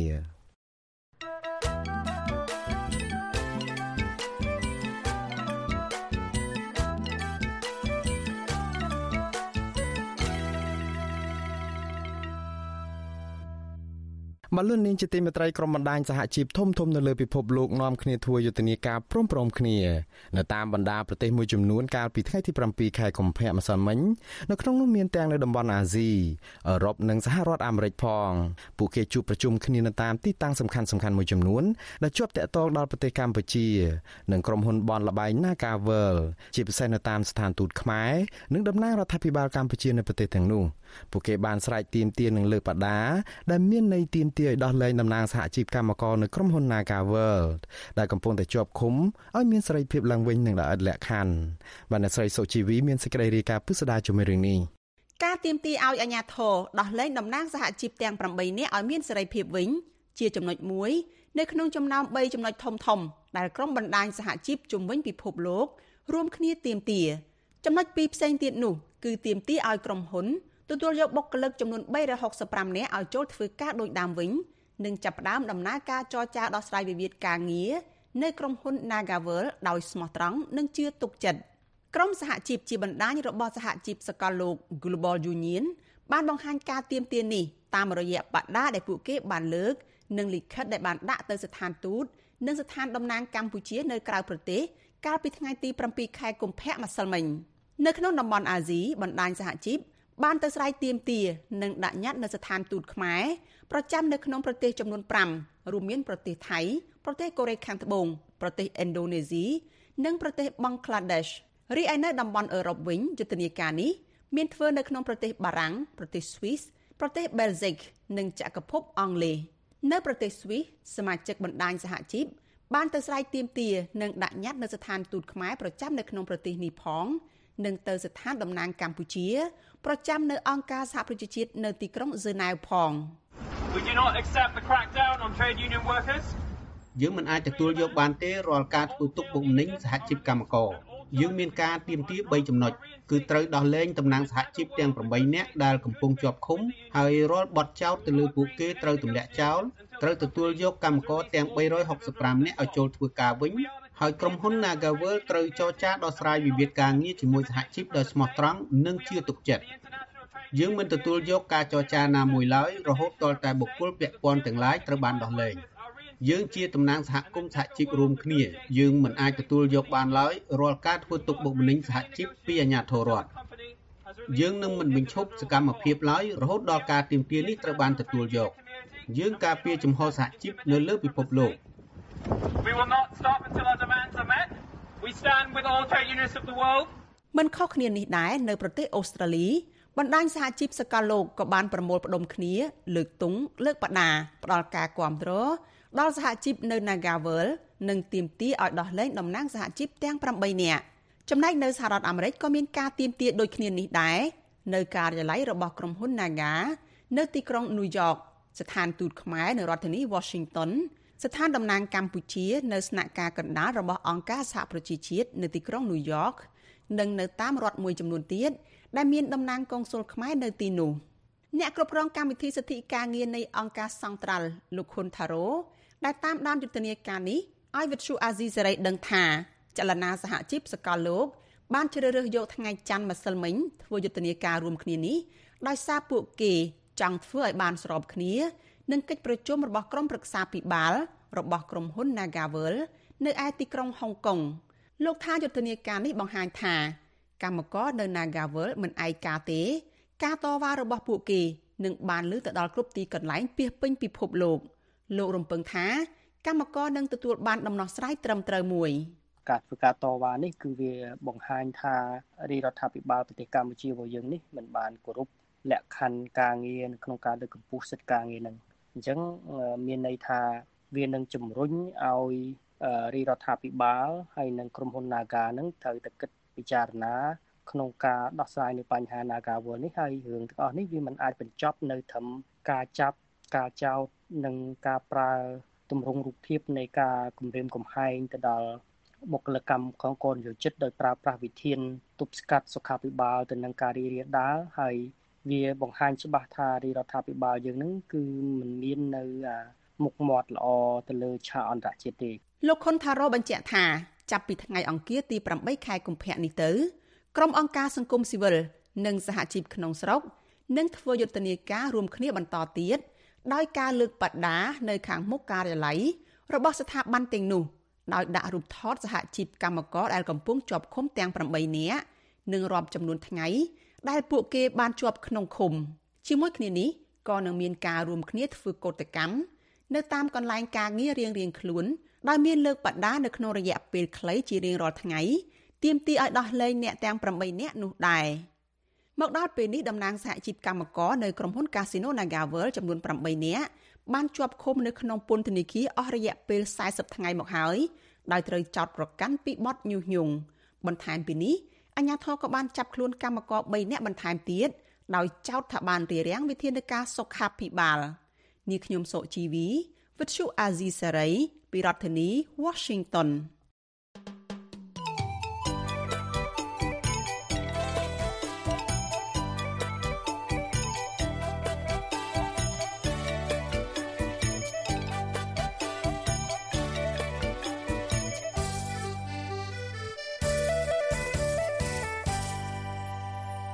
បលូននាងជាទីមេត្រីក្រុមអ្នកការពារបរិស្ថានអះអាងថាពួកគាត់បានរកឃើញដើមឈើធំធំជាច្រើនដែលបន្សល់ទុកចុងក្រោយស្ថិតនៅក្នុងដែនជម្រកសត្វព្រៃនៅព្រៃឡង់ដែលក្រសួងបរិស្ថានចាត់ទុកថាជាតំបន់ស្នូលឬក៏តំបន់ការពារដ៏តឹងរ៉ឹងបំផុតនោះ។ កំពុងតែទទួលរងការកាប់រំលំ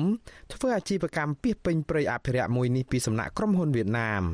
ក្រុមស្នូលបណ្ដាញសហគមន៍ព្រៃឡង់មួយក្រុមបានលបឆ្មក់ចុះល្បាតប្រទះឃើញកម្មកររាប់រយនាក់ប្រដាប់ដោយរណាយន្តស្ទើរតែគ្រប់ដៃកំពុងតែបង្រាយពេញព្រៃឡង់ដើម្បីកាប់ឈើធំធំដឹកចូលការដ្ឋានក្រុមហ៊ុនវៀតណាមមួយនេះដែលមានទីតាំងស្តុកឈើខ្នាតធំជាប់ព្រៃឡង់ក្នុងស្រុករវៀងខេត្តព្រះវិហារ សូមលោកនាងរងចាំស្ដាប់សេចក្តីរាយការណ៍ពិស្ដារជំរឿងនេះនៅក្នុងការផ្សាយរបស់វិទ្យុអាស៊ីសេរីនៅក្នុងរាត្រីនេះបាទសូមអរគុណ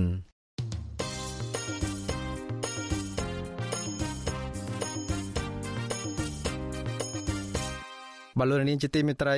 ជាបន្តទៅទៀតនេះខ្ញុំបាទមួងណារ៉េតសូមជូនព័ត៌មានបញ្ចប់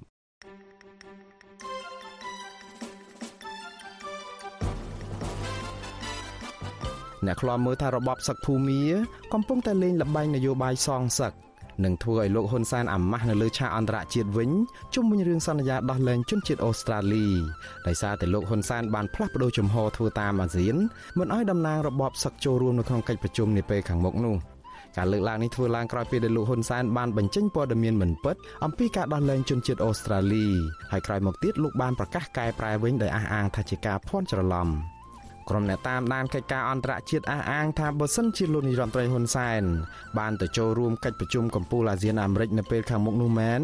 នោះសហរដ្ឋអាមេរិកច្បាស់ជាទទូចដល់លោកហ៊ុនសែនដែលជាប្រធានបដូវវេនអាស៊ានផងនោះឲ្យងាកមករកការគោរពសិទ្ធិមនុស្សនិងស្ដារលទ្ធិប្រជាធិបតេយ្យឡើងវិញជាក់ជាមិនខាន។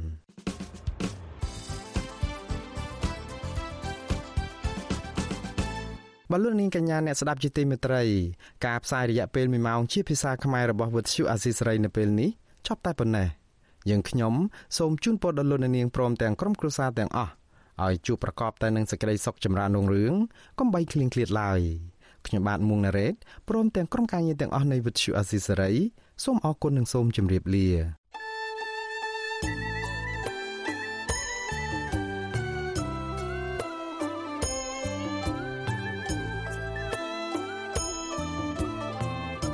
វិទ្យុអាស៊ីសេរីផ្សាយតាមរលក ធាតុអាកាសខ្លីឬ short wave តាមកម្រិតនិងកម្ពស់ដូចតទៅនេះពេលព្រឹកចាប់ពីម៉ោង5កន្លះដល់ម៉ោង6កន្លះតាមរយៈរលក ធាតុអាកាសខ្លី9940 40 kHz ស្មើនឹងកម្ពស់ 30m ពេលយប់ចាប់ពីម៉ោង7កន្លះដល់ម៉ោង8កន្លះតាមរយៈរលក ធាតុអាកាសខ្លី9960 kHz ស្មើនឹងកម្ពស់ 30m និង11240 kHz ស្មើនឹងកម្ពស់ 25m លោកអ្នកនាងក៏អាចស្ដាប់ការផ្សាយផ្ទាល់តាមប្រព័ន្ធអ៊ីនធឺណិតដោយចូលទៅកាន់គេហទំព័រ www.rfa.org/ ខ្មែរក្រៅពីនេះលោកអ្នកនាងក៏អាចអាននិងទស្សនាព័ត៌មានវិទ្យុអាស៊ីសេរីលើទូរស័ព្ទដៃរបស់លោកអ្នកផ្ទាល់ សូមលោកអ្នកនាងចូលទៅកាន់បណ្ដាញសង្គម Facebook ដែលមានអាសយដ្ឋាន www.facebook.com/rfa cambodia និង YouTube www.youtube.com/rfa khmer video សូមលោកអ្នកនាងចុច like និងចុច Subscribe ដើម្បីទទួលបានព័ត៌មានថ្មីៗទាន់ហេតុការណ៍និងទស្សនាវីដេអូផ្សេងៗទៀតបានគ្រប់ពេលវេលា